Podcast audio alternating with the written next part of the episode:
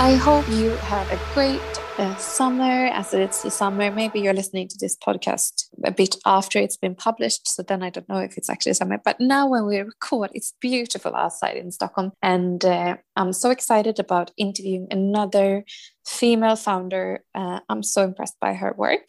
And we will also tap into what's happening in retail, uh, both from a sustainability perspective and from a business opportunity perspective, how you can actually build a business based on the direction retail has taken in recent years.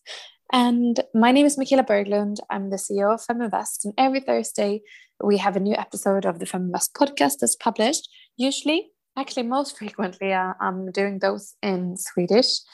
But uh, today we have an international guest who's uh, also the founder of a tech company called Yayloh. Uh, Sophie Aubert, uh, did I pronounce that correctly?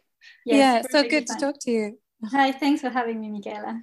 Uh, you have founded a, a company uh, that's it's not maybe um, you know straight away when you hear the name of the company you know exactly what the company is doing so uh, tell us a little bit about uh, this innovative platform because Yayloh is uh, on a mission to fix the biggest pain point for online shopping and its returns, isn't it? So tell us about the name and your business. Yeah, thank you, Michaela. So yeah, well, actually, your name uh, come from what we want to fix. So as you said, like returns is a very big pain point uh, for online retailers, but we believe that it is also a very uh, important moment to actually drive loyalty within like uh, between a brand and its customer so Yayloh is some sort of like acronym of loyal uh, and we want to help brands to actually connect at a deeper level with their customer during the return process to both improve their operations but also create long lasting relationships which will help them grow sustainably. So this is uh, this is what we do. Hmm, really interesting. And I know that you've had uh, a little bit of a retail background. Um, you studied at HEC in Paris. Apparently, it's the first. Is it the first global business school? Uh, first in Europe, according to Financial Times, yes. But sadly, outside of France, uh, not many people in Sweden know about that. Uh, but yeah, it's it's a very very good business school. So I had a chance to study there.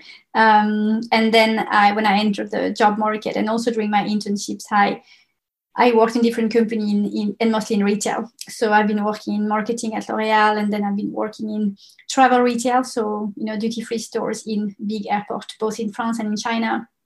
And then I worked in physical retail in operations uh, at a large company operating large shopping centers, like in Sweden, you would know Mall of Scandinavia, for example. Uh, and now shifting more to e-commerce, but still with a deep foot in, in the retail industry but it also if one look at your background you've been like all over the world. Uh, how how come and has that been a driving force and how did you end up in sweden? Yes i mean actually when i also choose my study after my uh, a level i felt like i want to you know have an international experience have the chance to go outside of uh, my home country. And actually coming to sweden was a bit of uh, unexpected opportunities. So I was offered uh, an expat position actually when I was working in this real estate company before. So I moved to Sweden in 2017 together with my husband at the time, and um, well, we didn't know, you know, if we would like it, if we would stay. I had been here only one day, and my husband had not put a foot in Sweden before. He said, "Yes, let's go." So it, was a bit of an adventure, but actually we ended up um, liking the, the the country and the city a lot. So now we feel uh, well, kind of well settled in, in Sweden, but we don't, you know, we don't plan too much. So yeah, it might be that we will go up somewhere else one day. Um, but uh, but now at least we are uh, we are based here. And it's uh, that's a good thing with Yayloh, isn't it? It's universal. You can work, and I know you've already tapped into a few international markets. Uh, but how did you start the company then? Because just you know, getting a career uh, opportunity and moving that's kind of i feel a lot a little bit easier than actually starting a company in that country. Yeah actually uh, building a company is difficult and i mean then you add a layer of complexity when you do that in your home country because you don't have the network. Um, when it comes to both you know finding a co-founder recruiting a team and also i would say when it comes to investment. So that has been of course a challenge but also like being aware of that from the very beginning when i started to you know um, do my adventure i found out about a program in stockholm which is called antler um, and this is how i found my co-founder uh, and as you say like uh, our company companies very international for the customer that we have, but also for the, the team. So right now we, we have seven nationalities in the team and my co-founder is from India. So that has been also, I think, one reason why we both probably met and connected and decided to build a company together. So I think in that sense, Antler has been really helpful for me at the beginning to, st- to start uh, the journey there. Mm, Antler is really exciting it's Norwegian uh, founded originally, and and it's growing rapidly across the globe. It's a new concept for for um, you know actually ensuring that entrepreneurs uh, you you can kind of screen entrepreneurs uh, and help them to find the right co-founder and help them with uh, the network and the financing uh, if those two founders actually find the right idea. Uh, yeah. too. And it's really exciting. So if you listen to this you, could, uh, you should definitely look it up if you're interested in in starting a business and wonder uh, about the different opportunities you have. And um, so so you had did you have an idea and then you applied to antler or did you start antler because you wanted to start a business no it's more like the second option so i didn't have any like specific idea and i also wanted to find someone with whom we would build the idea together. So actually, when I came, my co-founder had experienced the issue with returns uh, in one of his previous um, consulting missions. So he was aware of the problem, but he was not really like you know having designed a solution or really knowing how to tackle the product, the problem. So this is really what we work on together, and then figure out like okay how we will go about it. Um, so that was how it's it's, it's really started. Mm. So looking back at those uh, few years, actually building um, a tech product, finding working together with a with a founder quite early on, and you know what have been the challenges uh, in in this first phase of your business yeah. Um, well, I think we had many, uh, but we are still here. So it's, it's uh, easier to start with the it's easier to start with the challenges. yeah, the, and I know, think it's also things. that. uh, I mean, I would probably say that. I mean, honestly, the biggest challenge that we had was just like we, we started that in the middle of a pandemic. So I mean, we we registered the company in November 2019. This is where we started to develop our MVP, and then we had it live with one pilot, a second pilot, and then the COVID hit uh, in March. So then it was very hard for us to, you know, reach out to e-commerce at that moment because they were just all over the place trying to fix their supply, reviewing their marketing plan. So that has been like I would say the first, very first big challenge to just like show a lot of resilience. And I think that what made made us like hold on to the house was like we knew that medium term, long term, this pandemic would actually affect positively our business.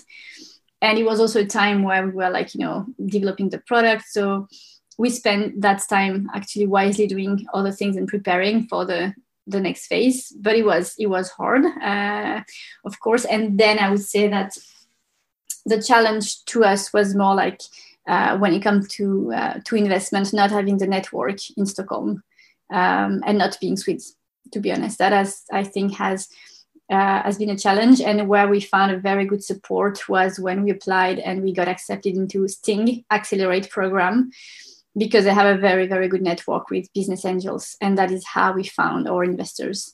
Um, so I think that was like the biggest challenge. And then, of course, to like when it comes more to product and tech, was to uh, to build the product and and and um, find the resources when it comes to development.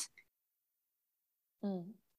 But also, like starting a business uh, in the midst of a pandemic, and um, you know, like the other challenges that you mentioned in terms of the it's it's also an opportunity, right, in terms of the growth of retail and the way the behavior uh, for us as uh, consumers has rapidly uh, changed more to more online and i know i've seen some different numbers of of the growth of retail.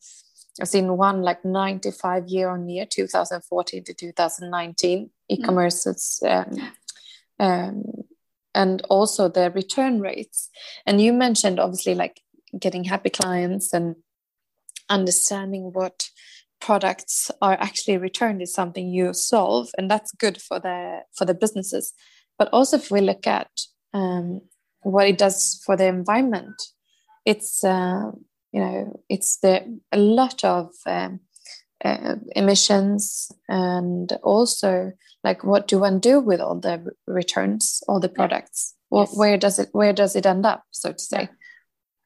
Um yeah what can you share a little bit around that? Um you know what's happening from a sustainability perspective what you try to solve yeah. Yeah i mean i think this is a very uh, very interesting topic and i mean it has been like uh, one of us like the favorites of the media recently to talk about the impact of returns on the environment and there's been a lot of debates around that and how much you know online retail is better war than than physical retail. And to me like the debate should not be there but like how can we always improve?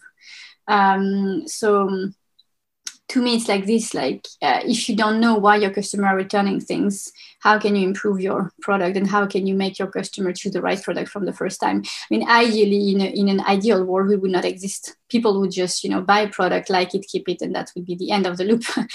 But unfortunately it's not like this. And uh, then the situation is that because online online retail has been increasing so much and so far that a lot of retailers have been focusing on growth and acquiring new customers instead of focusing on loyalty and growing in a sustainability ma- sustainably matter.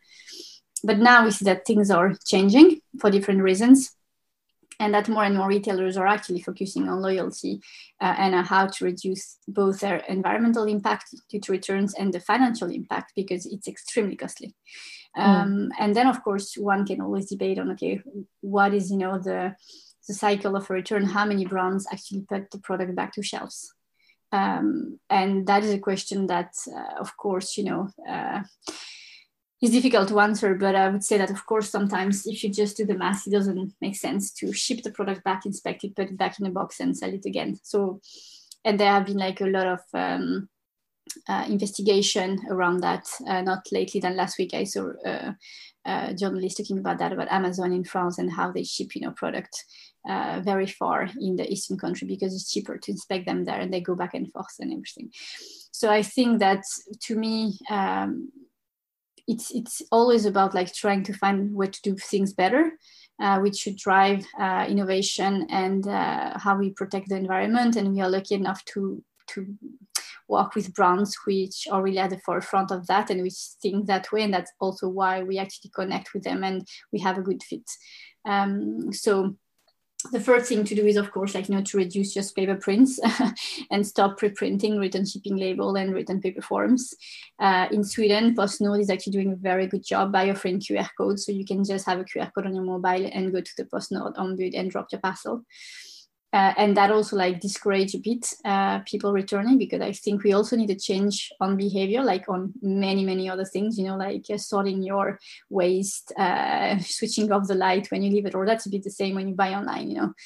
Uh, and trying to find uh, the right product, maybe putting a bit more effort into making sure that you actually buy something that you will really keep uh, and then it's also the work of the brand to actually make sure that they give all the information and the support to their customer so that they will actually find the right product the first time. And this is where we also enter in the picture to help them do that.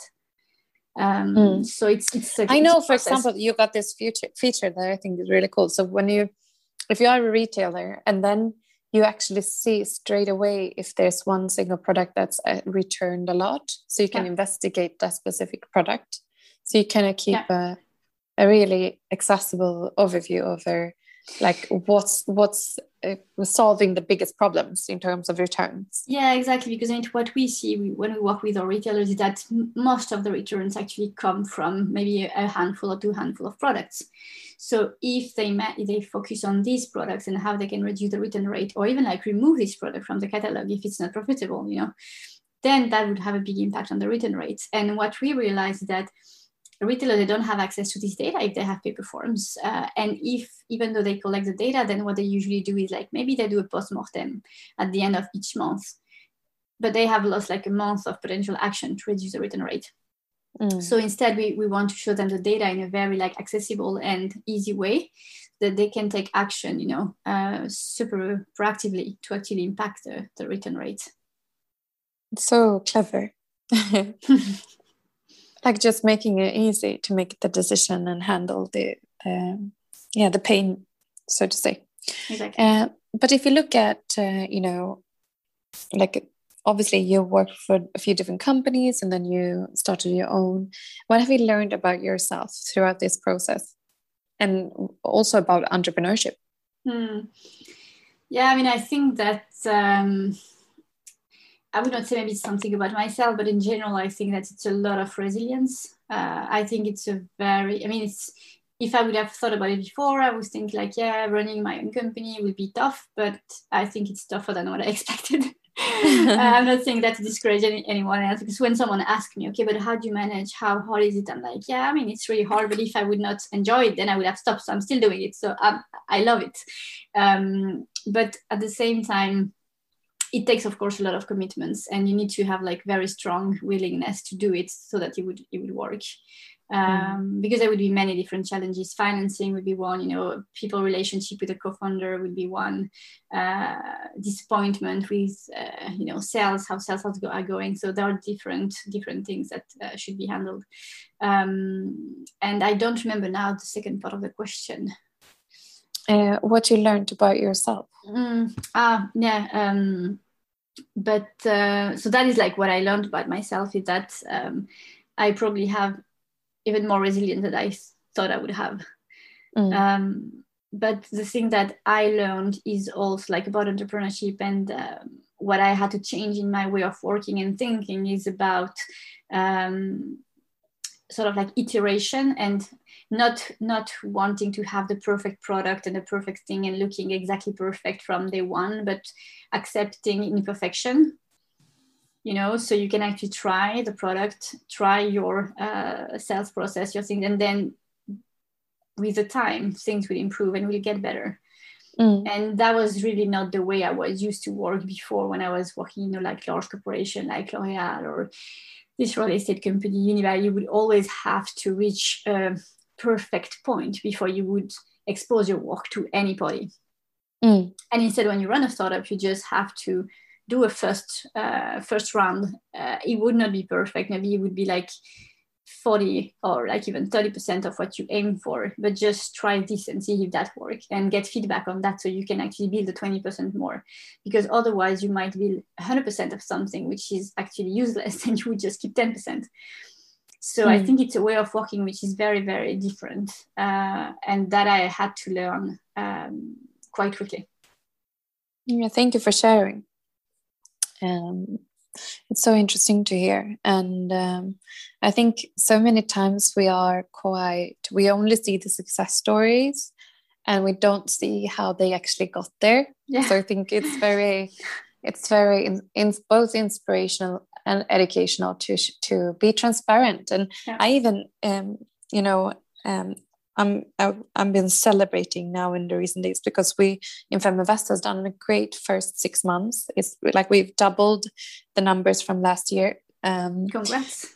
And so I'm really pleased about that. And but then um, you know I'm I'm I usually share the fact that when I when I, the company was started uh, one year and a half ago, um, the first month i didn't have a single krona on my account. Yeah. Uh, and i actually employed my first employee before i even had uh, sent my first invoice. I had done some work yeah. but we were uh, in dialogue with the tax office. So it was for that reason but still it's it's a risk. And i got yeah. almi um, you know to actually support me for the first months. And yeah. Uh, and that's the reality. And that's actually the truth. Uh, and uh, people tend to look at us and think wow that's amazing. Yeah, uh, yeah. you know she's so successful or whatever. But that's that's a part of my journey as well and i'm so proud of that you know? Yeah. Uh, so i really appreciate the fact that you share. Um, but so like looking at obviously you've created a tech platform that uh, you can take on clients you're ready to grow and in that regard you can scale but then you need like new people to employ. How, how have you thought about uh, scaling a business from the different perspectives? Yeah. Yeah i mean that's a really good question and uh, we are still of course like in the process of figuring out things. Um, i think like what we always say with my co-founder is that we know that scaling is painful so we are sort of like prepared to that. We have come to a point where we know what we have achieved but we also are very much aware of what's ahead of us uh, and that is not going to be the easiest uh, journey um, either. But I think that when it comes to hiring people and resources in general, I think one of the strengths of our company that since the very beginning, as I said, we are very international. So our business language is English. Uh, we have very different nationalities in the team. And we have managed to recruit very good people here in Stockholm because they would not find a job in the job market. Um, so I think in, in that sense that has been like quite positive to us. Plus, we are also like very flexible on where people can work from. So we we are also able to work from with people we are not in Stockholm. And I think I mean of course like more and more companies are doing that these days. But you know it's like we also have the tool and in the way we work we are used to do that. So it's very easy to for us to onboard someone who is not sitting with us in Stockholm. Mm. Um, but then, of course, what we still have to figure out is like, you know, who should be your next employee? Uh, and sometimes you have an idea actually of what you think you need, but then it doesn't work out. And that was actually the case of like one of our first employee that we recruited, and then we realized that actually it was not the role. Uh, I mean, it was combined of different things. Of course, if he would have like be extremely successful in his role, it would have probably been perfect. But then we realized that he was better than I would do what he was supposed to do, and that we would have someone doing something else instead. And I mean, that again, like what I say when it comes to iteration, we have to iterate on, on everything. So we don't like think about this choice as like it was a mistake. It was like something that we learned from. Um, so it always comes down to okay, what are the tasks that we should you know offload of self especially the co-founder from what should we hire someone um, what is like someone that can offload us from and what is something that we need to keep ourselves for now. Um, so i think that this is still still in a process but of course like the we have like a tech team that needs to grow and we also have sales and you know, customer support customer success team which we need to grow to support our growth. Mm. so i mean this is nothing like you know super specific if you look at any tech company actually no, and it's quite costly, isn't it, to start uh, scaling early on uh, for a tech company. And uh, I know that you've been securing funding as well um, successfully. Uh, how has that process been? And can you share any advice uh, in that regard? Yeah, yeah. Actually, it's good that you talk about financing because I was about to say in the in the previous question and then I forgot that it always comes down also to like what can you afford. So ideally, like yeah, today we would recruit like you know maybe one or two more people, but we know that we want to keep our burn rate to that certain level so we can last till that time. So we reach that milestone so it also has to come down to priorities and you always have to take decision on what you prioritize and which pain you take yourself as founder because i always see myself as the one doing what anyone else can do in the team. So i think it, it also comes down to like yeah what can you afford? Um, and when it comes to financing i would say that i mean as i explained before it has been of course like a very challenging and uh, and uh, exhausting process. But um, at the end of the day, we are very happy with the group of investors that we have, and most of them we have been introduced to them through a Sting uh, network of business angels, mm. and I think that was really helpful for us, as I explained, because we were lacking the the network in Sweden. And I mean, of course, you know, when you invest so early on in a company, when you have just maybe like a couple of like a handful of customer, I mean, what you bet on is the team, and you need to get trust that the people you invest you invest in will run the company the right way, will take the right decision, and this trust needs to be built, and is not really built on fact at this early stage. So, I think that the fact that we got the support from Sting gave us some sort of like credibility and trust. We were like trusted material, and then we could actually. Uh, have like faster and more interesting discussion with investors like we didn't have to go through that process of building trust, of course, a little bit, but way less than when we didn't have the sort of like pre-approval from uh, from Sting. Um, mm. And then, of course, like I mean, what helped that the e-commerce space was, uh, you know, it was when we raised around, it was beginning of this year, so the pandemic was already started. So in that sense, it was good because everyone knew that e-commerce and tech would be a very promising space uh, mm. in future. Yeah, and uh, your business is definitely, you know, affecting the environment in a good way. Do you have like specific examples on how much um, you can reduce in like from a sustainability perspective and even from a cost perspective uh, yeah. for a client yeah i mean i think that you know calculating on sustainability and like co2 emission and things like that is something that we would want to be better at uh, in future and it's it's always like a bit difficult to really have like um, exact numbers on these lines, but what we can see already now is that we have an impact on the return rate. Uh, so, for example, like at one customer, we reduce the return rate on one product from 60% to 22%. Mm. So you can imagine, on depending on the volume which are sold on that specific product, or how many shippings have been saved, uh, packaging and everything. Mm. Um, and also now when we can stop pre-printing written shipping label and paper forms you know you're taking talking about thousands and thousands of, of paper slips um, and i mean then as i explained earlier i think the entire journey of a return is, is quite complex so sometimes you could even think that one product has been saved from the trash bin if you actually can uh, avoid a return because a product will actually be used instead of you know maybe being just trashed because you didn't worth being put back to shelves so um, I think that the more we grow and the more customers we have, the more impact we will actually have on the environment. And this is where we really want to have a role to play.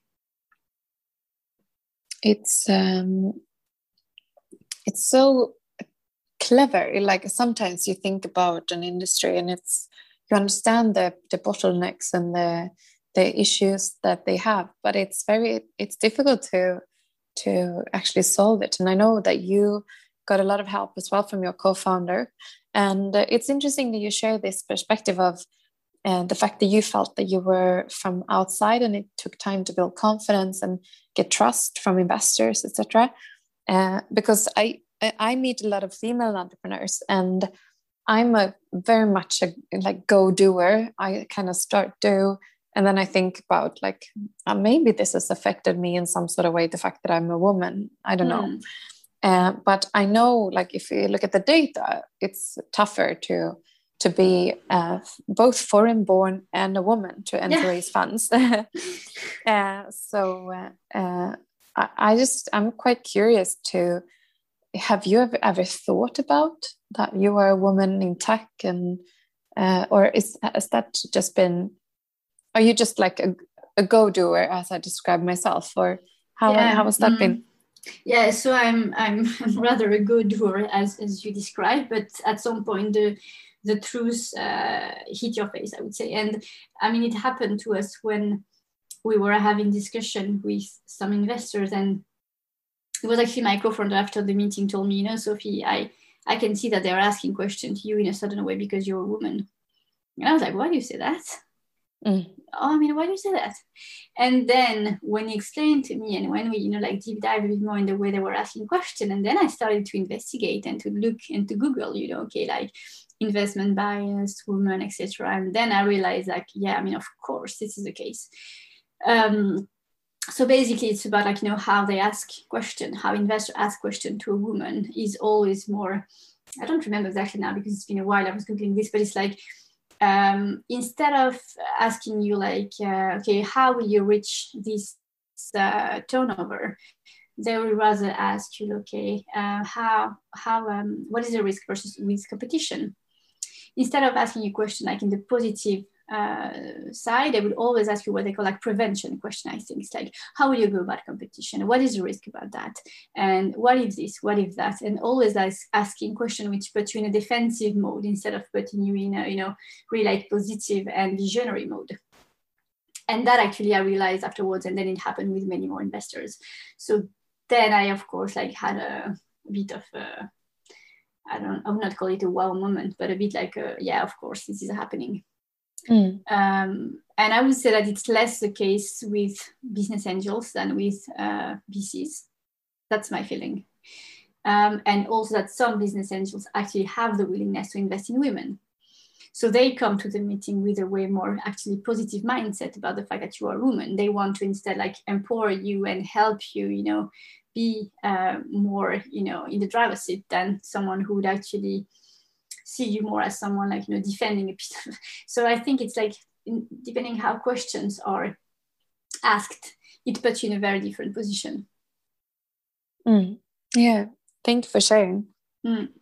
Um, but now, from you've come quite far, uh, and obviously you've proven that people believe in you. Uh, you've got customers that love your product. Um, what's your plan forward now? Mm yeah so i mean now of course like our our plan is to roll out of solution our solution to more customers uh, so we can help more brands you, to you know like really improve the way they handle returns improve the relationship and help them grow so this is really like what we want to do we want to expand to more markets because we see that we have potential to actually expand to other european markets in a quite smooth manner um, and uh, and then of course like make the company grow um, so we see like a lot of potential on how we can develop a product to be you know more efficient uh, and to be used also with um, with more functionalities when it comes to sustainability and loyalty. What markets are you available on at the moment? So right now we are working in uh, Sweden, Norway, France, Germany, soon uh, Belgium, I think. Um, but I mean, if someone calls us from Spain tomorrow and tell us like, yeah, we want to start using your product, there is nothing really which prevents us to do so. So I think that's a really exciting thing, uh, which is happening just now. And also because of the pandemic, people are so used to take every meeting through Zoom, you know, that um, most of our customers we have actually never met, mm. which is a mm. bit sad, but also like a bit cool because we, we can scale without having, you know, physical contact with our customers. Mm. Thank you so much for sharing uh, a little bit of expertise on building a business and uh, your thoughts on retail uh, and uh, what's going to happen onwards. Do you have any insight into uh, anything else that we've, you know, haven't touched on in in um, regards to what's going to happen to the retail industry onwards? Mm, yeah, I mean, I will have a lot to share. I mean, I think it's a super uh, passionate industry, and especially like the shift that we are um, in the middle now. So, I mean, I think that this is going to be, you know, an era where brands take the ownership of their relationship with their customers, uh, and this is where most of the value will be created because they have like first-hand data that they can use in a very interesting manner to actually cater their offering uh, to their customers. So, I think everything will be about connection. Um, between the brands and their audience and how you can actually maintain that connection and create experiences online as exciting as you would do in a store like we were doing in the past so i think there are many many interesting innovation happening just now like live shopping etc which will be like super uh, exciting to follow onwards mm. Thank you so much for sharing, and I look forward to follow you onwards. Um, Thank you, Michaela. And if there's anyone that wants to, uh, you know, investigate Yayloh further, you can either find uh, Sophie uh, on LinkedIn, I know, yeah. or you can just search for Yayloh, uh, and uh, you'll get to the to the tool. Yep. the e-commerce tool. Thank you so much, Sophie, uh, for sharing. We are back uh, after the summer holidays actually because uh, this is the last interview that i'm doing uh, before the summer so to everyone following us and, and listening and reaching out to me and on different social channels etc uh, have the best of summer and um, relax i'm gonna go uh, on a few weeks not doing anything except for chasing my kids and i really look forward to that uh, so thank you, Sophie, uh, once thank again. Thank you, Michaela. It was nice to see you. Yeah, bye. And bye. I wish you all a good summer. Bye. Thank you. Bye. Feminvest är Sveriges största investeringsnätverk för tjejer. Vi vill att allt fler ska våga äga och förvalta. Och hur gör vi då detta? Jo, vi vill inspirera, utbilda och utmana runt ägande, investeringar och entreprenörskap.